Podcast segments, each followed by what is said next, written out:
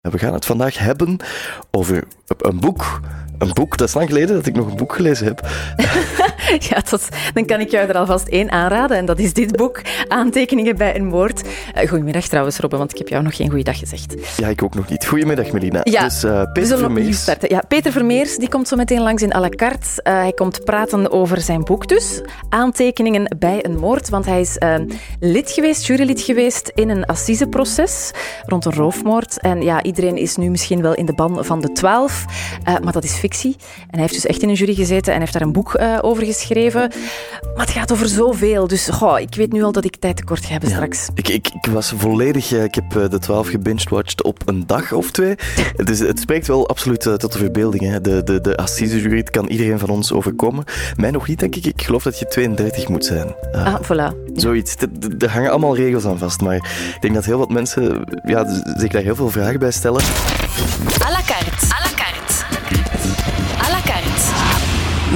Petitjean en Melina Verbeek. Aantekeningen bij een moord, zo heet jouw boek, uh, Peter uh, Vermeers. Welkom hier in à la carte.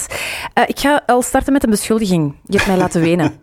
maar dat is een goede zaak, denk ik. Want dat wil zeggen dat dat boek toch wel binnenkomt. Dat is fijn om te horen. Um, ja, nu ben ik heel nieuwsgierig naar welke passage ah, ja. precies. Oh, oh precies, passages. Het moet nog een beetje doorcijpelen, maar ik denk dat de, de, de, menselijkheid die, die eruit mm. spreekt, dat mij dat vooral heeft aangegrepen. Ja, het is een boek over jouw deelname aan een volksjury um, in een assiseproces rond een, een, roofmoord. Dat mogen we wel al verklappen, denk ik.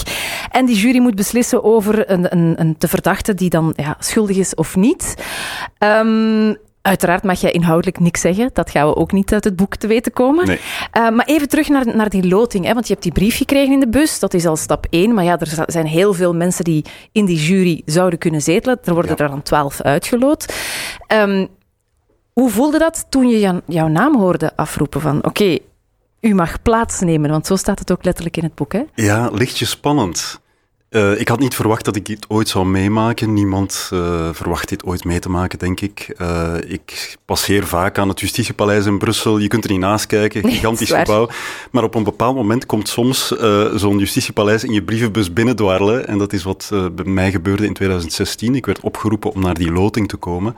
En ik werd dan ook nog eens geloot om in die jury te zitten. En uh, ja, een mengeling. Dat is het uh, gevoel dat mij uh, is bijgebleven van toen. Een mengeling van aan de ene kant nieuwsgierigheid. Mm -hmm. Van wat gaat dat nu zijn, zo'n institutie wat aan de binnenkant? In, ja? Wat houdt dat in? Maar ook een beetje, um, hoe moet ik het zeggen? Angst is misschien een te groot woord, maar toch een beetje uh, afwachtendheid van wat zal nu precies van mij verwacht worden? Ja. En wil ik die verantwoordelijkheid wel dragen? Want het is natuurlijk wel niet. Ja, het is niet dat je de keuze hebt, natuurlijk. Hè, je, je hebt bovendien geen keuze. Ja, het is een burgerplicht. Als je eenmaal op, in, de, in de boot zit, uh, in het geval van Brussel, het Justitiepaleis is meer een Titanic dan, dan een normale boot. Nogal, ja. Is bijna aan het zinken. Maar... maar dan kun je dus niet meer weg ja. en dan moet je mee. En kan je dat nu aanraden? Als je zegt van ja, het is een burgerplicht als je opgeroepen wordt. Ja, Heb je zoiets van, eigenlijk zou iedereen ja. dat eens moeten kunnen gedaan hebben? Of... Ja, ik vind wel dat uh, de mensen die toen samen met mij in die jury zaten, uh, mensen van allerlei levenswandels, zeg maar. Uh, um, ja, je merkt dat die mensen wel hun verantwoordelijkheid heel serieus nemen. En in die zin ook wel um, de oproep van ja, de staat, zeg maar, um, voelen op hun schouder rusten en daar ook iets mee doen. Dus dat is wel het mooie aan het verhaal. Dat mensen zich uh, serieus, dat ze serieus genomen worden en dat ze ook uh, die taak met serieus uh, opnemen. Ja. Maar natuurlijk, het blijft een hele enge, precieze, technische, juridische taak die je daar moet vervullen. Mm -hmm. En met de betrokkenheid die daar wel ontstond bij die mensen die daar in die jury zaten, die, die bandenverkoper en die, die, die uh, slager enzovoort. En dan ik ook als uh, hoogleraar politieke wetenschappen, we zaten daar in dat groepje. Um, ja, die betrokkenheid die wij voelden, de vragen die wij stelden, die kregen daar ook niet meteen altijd een vervolg of nee, een antwoord. dat kan ik. Ik denk dat ja. je nog altijd met vragen zit na, Ja. na al die tijd. Um, hoe moeilijk was het om dat boek een titel te geven? Want ja, zo aantekeningen bij een moord... Ontzettend moeilijk. Het is niet de meest sexy titel, vind ik. Maar ja, het klopt ook wel. Ja, het klopt wel. Hè. Het, uh, ik, wou, ik wou een titel uh, die een beetje uh, zakelijkheid suggereerde. Het is geen zakelijk boek. Het is een Het is heel jouw persoonlijk verhaal, hè? Het is een persoonlijk verhaal. Maar ik wou dat... Um, ja, mensen toch het gevoel hadden van oké, we gaan hier iets... Uh, als je de titel van het boek leest, dat je weet waarover het gaat. Dat wilde ik voornamelijk. Dat het ja, dat geen dubbelzinnigheid suggereerde. Dat het, ja. zoiets. Ja, Toch, toch ergens iets dat nog zwart-wit kan zijn. Voilà. Kijk maar het is niet zwart-wit nee, uiteindelijk. Dat is, dat is, de moraal van het verhaal, denk ik. Kijk je naar de tv-reeks 12? Die nu loopt? Um, nee, tot nu toe niet. Ik ga het wel kijken, maar je kent dat met dat uh, online kijken. Ik heb ah, geen televisie thuis, ik kijk het via het, internet en dan stel je het uit. Dus ik moet dat nog doen. Ik ga het zeker met veel interesse bekijken. Maar ik stel het een beetje uit, denk ik, ook omdat ik nog even bij de ervaring wil blijven die ik heb uh, gehad en waarover ik heb geschreven. Um, die zit heel dicht bij mij, heel dicht op mijn vel en het heeft me ook helemaal niet koud gelaten. Ik ben nog niet klaar om daar een ander fictieverhaal tegenover te stellen op dit moment. Ja, dus dat was van jou was ook realiteit natuurlijk. Ja. ja ik weet niet uh, hoe, hoe het bij jou gelopen is, maar in de twaalf wordt er tussen de juryleden nogal veel um, ze beleven nogal veel avontuurtjes samen, laat ik het zo stellen. Ja, Peter, wat was voor jou eigenlijk het moeilijkste als jurylid? Is dat dan de druk om geen fout te maken uh, of de eenzaamheid? Want ja, je mag er met niemand echt over spreken. Dat, maar ook uh, in de jurybank zitten en dan de nabestaanden in de rechtszaal zien en er niet kunnen tegen spreken. Want er moeten in zo'n rechtszaal moeten er grote afstanden worden uh, in ere gehouden tussen de verschillende partijen. Tussen de beschuldigde aan de ene kant, uh, advocaten en dan ook de mensen die in de, in, in de gerechtszaal zitten. En dus ja, je ziet de nabestaanden daar zitten. En um, het is een beetje een treurige zaak. Een oudere dame die in 2012 in een roofmoord vermoord is door jonge um, daders. Jongens eigenlijk nog op het moment. De mm oudste was net 18. Uh, ehm, de twee jongere mededaars zijn naar het uh, jeugdgerecht uh, gegaan. En dus die oudste voor assise. En um, ja, die oudere vrouw die dan vermoord is in die, in die poging tot diefstal daar, um, ja, die had weinig familie. En die mensen zaten wel in de zaal. En je ziet natuurlijk de ellende op die gezichten. Maar je kunt er niet naartoe gaan om eventjes een menselijk contact te maken. Je kan geen troost bieden eigenlijk. Je kan geen troost bieden en je kan ook niet praten met de beschuldigde, die daar ook een beetje uh, als een ellendig uh, persoon stond in het Brusselse Assisenhof hebben ze dan nog een soort van aquarium, of hoe moet ik het gaan noemen, een veiligheidsbox waar die beschuldigde in, zat, in zit. Uh, dat geeft al een enorm gevoel van schuldig te zijn. Hè. Normaal gezien ben je... Mhm. alleen maar verdacht tot op het moment dat je eigenlijk schuldig uh, wordt verklaard. Ja, maar je wordt eigenlijk alleen een soort Maar als je al in een veiligheidsbox zit, dat geeft al heel erg het gevoel van schuldig te zijn. Maar ook die persoon, ja, ik had grote nieuwsgierigheid naar wie is die persoon nu eigenlijk echt? Wat, wat is er in zijn leven allemaal gebeurd? Wat heeft hem ertoe geleid om dit te gaan doen? Um, maar ja, dat, daarvoor ja, ook geen Ja, want die vraag waarom zit uiteraard ook in het boek en daar heb je tot op vandaag geen antwoord op. Hè? Nee, het is een boek met veel vragen. En ik heb proberen die vragen op te lossen door naar andere zaken te kijken. Want uiteindelijk bij die zaak, uh, ja, er is een een besluit gekomen over uh, de schuld van die beschuldigde. Maar uiteindelijk, uh, het leven erachter blijft een beetje verborgen. Mm -hmm. Ik heb proberen dat gevoel ook mee te geven aan de lezer. Dus het zal misschien een beetje raar zijn voor de lezer en denk van, maar ik krijg geen zicht op dat leven van die beschuldigde. Mm -hmm. Wel, precies, dat kreeg ik daar ook niet. Ja. En dus achteraf ben ik op zoek gegaan naar andere mensen die assiseprocessen hebben meegemaakt aan de kant van de nabestaanden en aan de kant van de beschuldigde uh, of veroordeelde. En dan gaan praten met de familie van veroordeelden, familie van uh, slachtoffers. En daar toch wel een hele andere wereld ontmoet. Daar echt de menselijkheid opnieuw ja. te zien ja. achter het proces. Maar daar moet je het Justitiepaleis eigenlijk voor verlaten om ja. opnieuw die menselijkheid uh, te vinden. Ja. er is ook wel een mooie rol weggelegd voor dat Justitiepaleis. Je vertoeft daar dan tien dagen. Wat heeft jou daar het meest verrast?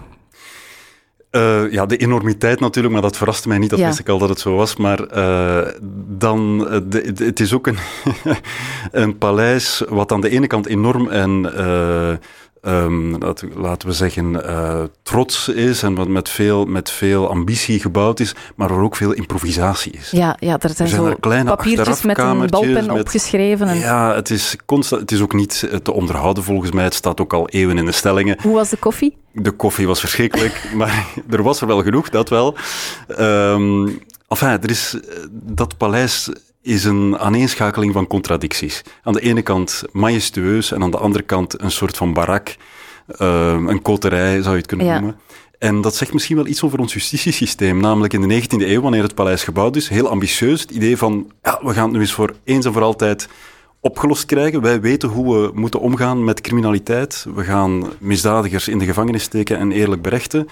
Um, liefst in omgekeerde volgorde, maar goed. Uh, en, um, en, en that's it. Maar dan blijkt de praktijk toch wel een stukje moeilijker te zijn. Die, het, het, ware leven stroomt binnen in dat justitiepaleis en dan moet er geïmproviseerd worden. En natuurlijk, ja, het gebouw zelf is ook een beetje tanende op vele vlakken. Het is een Titanic, ja. zoals je er straks zei, denk ik. Heb je nog contact met de andere juryleden? Ja, ja. Ja, jullie zien elkaar af en toe nog. Goh ja, ze zijn allemaal naar de boekpresentatie gekomen, of toch de meeste. Uh, en ze zijn natuurlijk ook heel erg geïnteresseerd in het pad dat ik heb bewandeld na het proces. Ja. Dus zoals ik zei... Um, maar daar gaan we het straks nog over hebben. Over de, over, ja, voilà, over de dader-slachtoffer-gesprekken. Ja, ja, Keer je af en toe nog terug naar het Justitiepaleis? Ja, ja, ik heb zo het gevoel van... Kijk, uh, de, er is zo... Misdadigers keren vaak terug naar de plek van de misdaad. De misdaad dat is cliché. Ik heb het gevoel dat ik een beoordelaar ben die vaak naar de plek van het oordeel terug uh, zwerf. Om daar te gaan kijken van, wat is dat hier nu voor een plek? Wat betekent dit in onze maatschappij eigenlijk? Ja, maar je vinger erop leggen, dat is een beetje moeilijk hè, bij het Brusselse Ja, ik bekijk het als een soort van antropologie van onze eigen samenleving, maar ook een beetje antropoloog van mijn eigen gemoed. Van hoe, hoe reageer ik op dit uh, gegeven, op criminaliteit, op het feit dat wij op die manier omgaan met uh, zware criminaliteit. Ja, en, en, dan zie je waarschijnlijk ook mensen binnenstappen waarvan je dan denkt, die gaan nu uh, doen wat ik ooit gedaan heb. Ja. Ik hoop dat jullie trouwens betere koffie drinken als jullie elkaar terugzien, jij en de andere juryleden. à la carte. Ja? Nee. Ja of nee? Ja, het is heel zwart-wit deze keer. Schrijven is schrappen. Ja.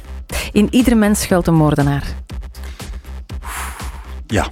ja het, is, het, is, het, is, niet genuanceerd, hè, nu. Nee, nee. Ben je een piekeraar? Moeilijk voor mij, moeilijk voor mij. Ik heb de vraag niet meer. Ben je een piekeraar? Ja. De staat van een samenleving lees je af aan hoe ze met haar gevangenen omgaat. Ja. Ben je een perfectionist? Nee. Zou je zelf een rechter willen zijn? Nee. Ja, kan ik me voorstellen. Dat, na dat, die, dat, ja, na die ik ervaring... heb nooit uh, geambieerd, maar ik heb wel meer respect gekregen voor het uh, ambt van rechter. Ik zie ook welk, welk, welk moeilijk ambacht dat is. Het is ook een ambacht. Het is echt, echt iets wat je moet, moet leren, wat je onder de knie moet krijgen. Maar het is onmogelijk. Hè. Het is onmogelijk. Je kunt natuurlijk um, wel het heel goed doen, juridisch gesproken dan.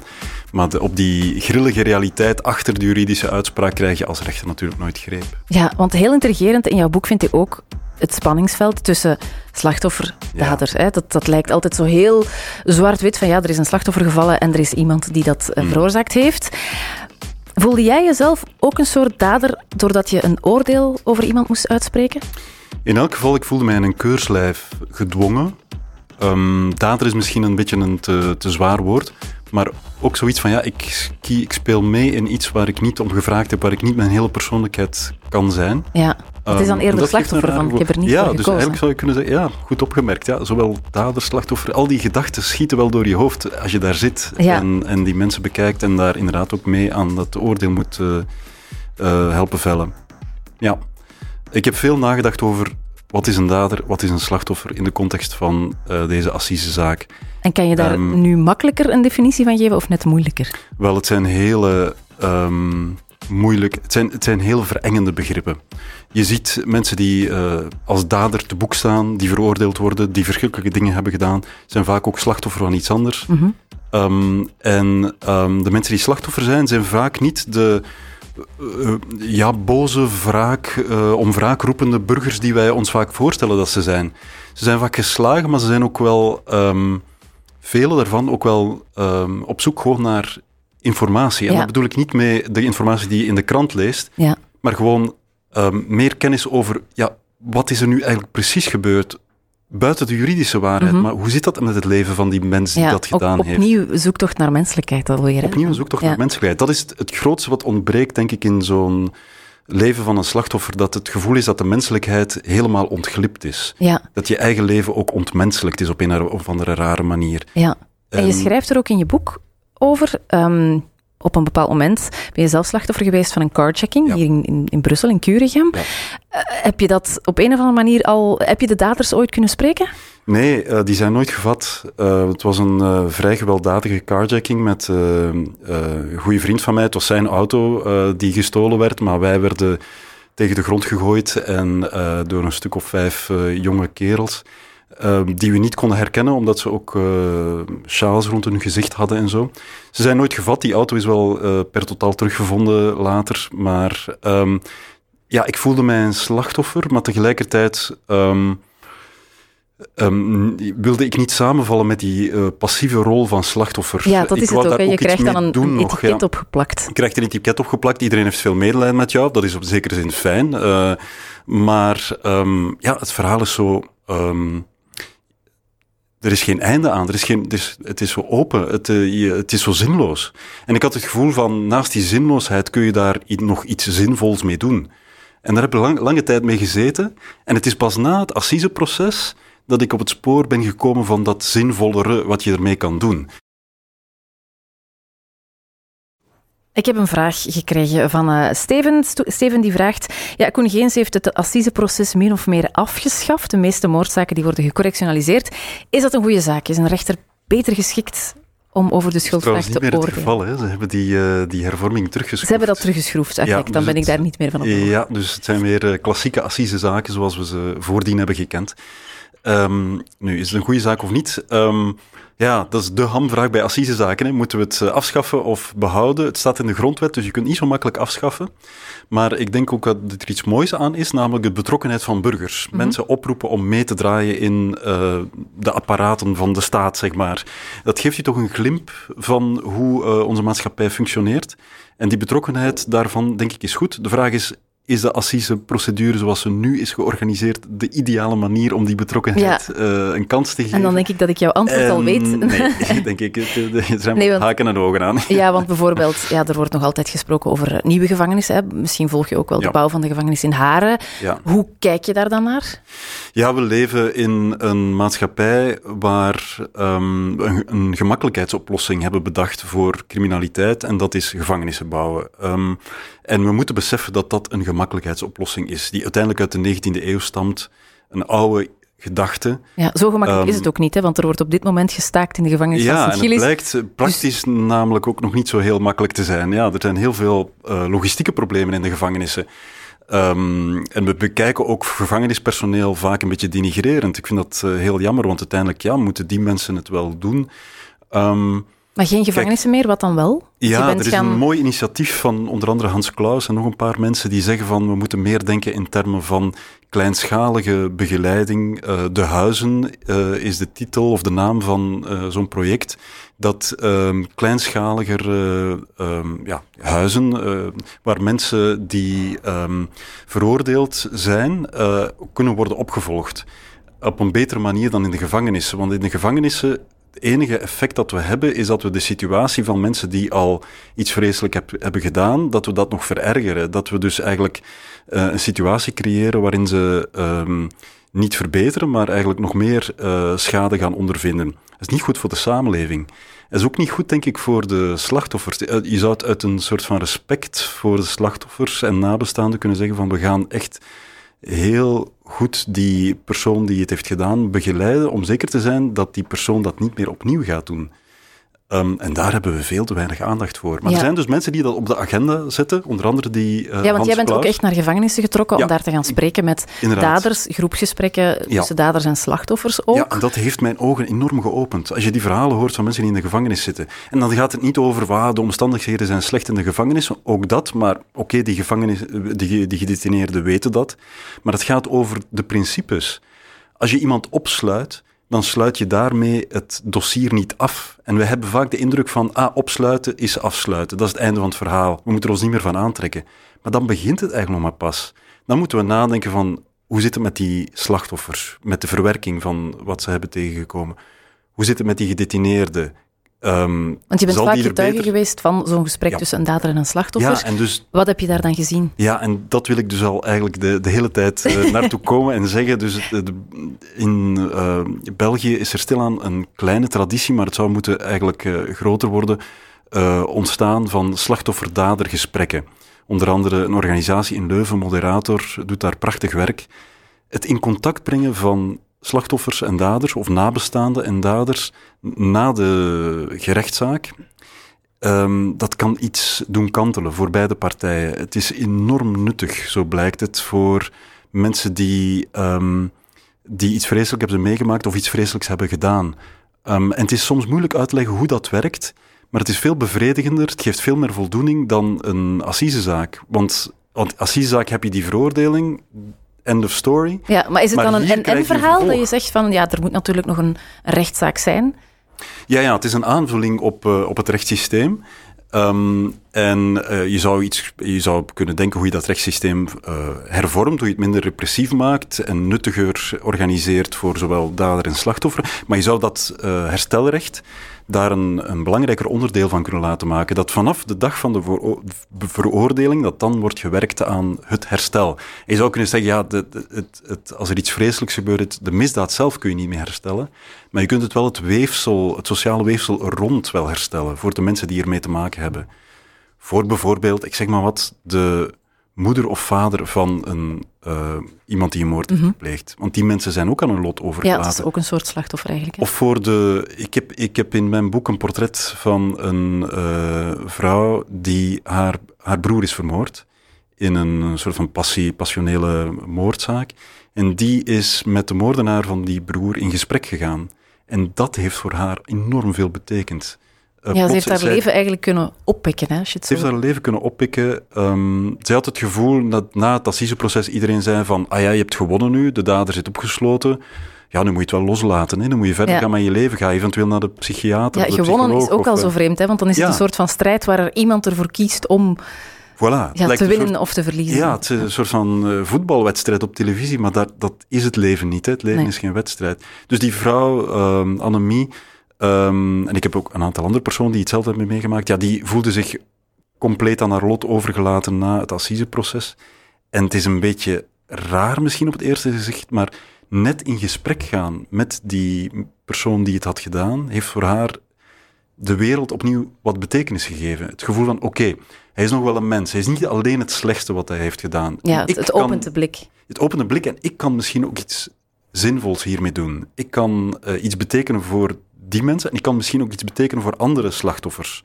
Ik kan mijn verhaal gaan vertellen en in zekere zin een soort van troost bieden herstelrecht. Ontzettend belangrijk. Ja, voor ik toch nog even uh, vooruitblik, wil ik toch eens vragen hoe dat boek onthaald is in, in de juridische kringen of, of al wie met justitie te maken krijgt. Ja, heel veel mensen hebben mij gemaild dat ze de verhalen herkennen en de vragen ook die ik stel herkennen, de diepere morele vragen die eronder zitten. En uh, ja, eh, misschien ook interessant om te vertellen, ik ben onlangs in Leuven Centraal met twaalf gedetineerden dit boek gaan bespreken. Dat was ook fascinerend. Ik dacht, de cirkel is rond, hè, van twaalf juryleden plots naar twaalf mensen die een moord hebben gepleegd. Um, ja, er waren op, opvallend diepe gesprekken. Het was echt indrukwekkend hoe mensen ook over hun eigen situatie uh, in de maatschappij konden reflecteren. Ik was daar diep, diep onder de indruk van. Ja, dus het boek heeft, geeft ook een aanleiding Maakt voor die mensen om erover te spreken. Ja. ja. Uh, even naar 2020. Wanneer mogen we een nieuw boek verwachten of ben je eraan bezig en waarover gaat het? Ja, dat is een moeilijke vraag natuurlijk. Ik ben constant bezig met uh, verhalen en ideeën om daarover na te denken. Zijn er al aantekeningen gemaakt? ja, maar een beetje... Het zijn nog lossere aantekeningen. Ze zijn nog niet te verzamelen in, in één kaft. Maar ik ben een beetje aan het nadenken over onze eigen maatschappij. Ik, in, Leuven, in Leuven geef ik uh, doseer ik en doe ik onderzoek over Oost-Europa, mhm. over Wit-Rusland en Rusland en de Balkan en zo, het is ver van ons bed. En ik dacht van, als ik nu eens met die blik kijk naar onze eigen samenleving, na, Blik van in plaats van naar, Ja, in plaats van naar een dorp in Wit-Rusland te gaan, wat gebeurt er als ik naar een dorp in West-Vlaanderen ga? En wat ah, zie ja. ik? En daar ben ik enorm geïnteresseerd in. Daar heb ik aantekeningen. Misschien wordt er wel een, een, ehm, een nieuwe fictiereeks op gebaseerd. Wie weet. Wie weet. Het zou zomaar kunnen. Maar lees vooral eerst dat boek Aantekeningen bij een moord van Peter Vermeers. Peter Vermeers, dankjewel om naar Alekar te komen. Heel graag gedaan. Ja, dankjewel. Dat was een heel interessant gesprek. Ik heb het gevoel dat we wat eh, tijd te weinig hadden op het einde. Gelukkig is er het boek natuurlijk, als je wat dieper wil gaan. Aantekening bij een moord, zo heet het.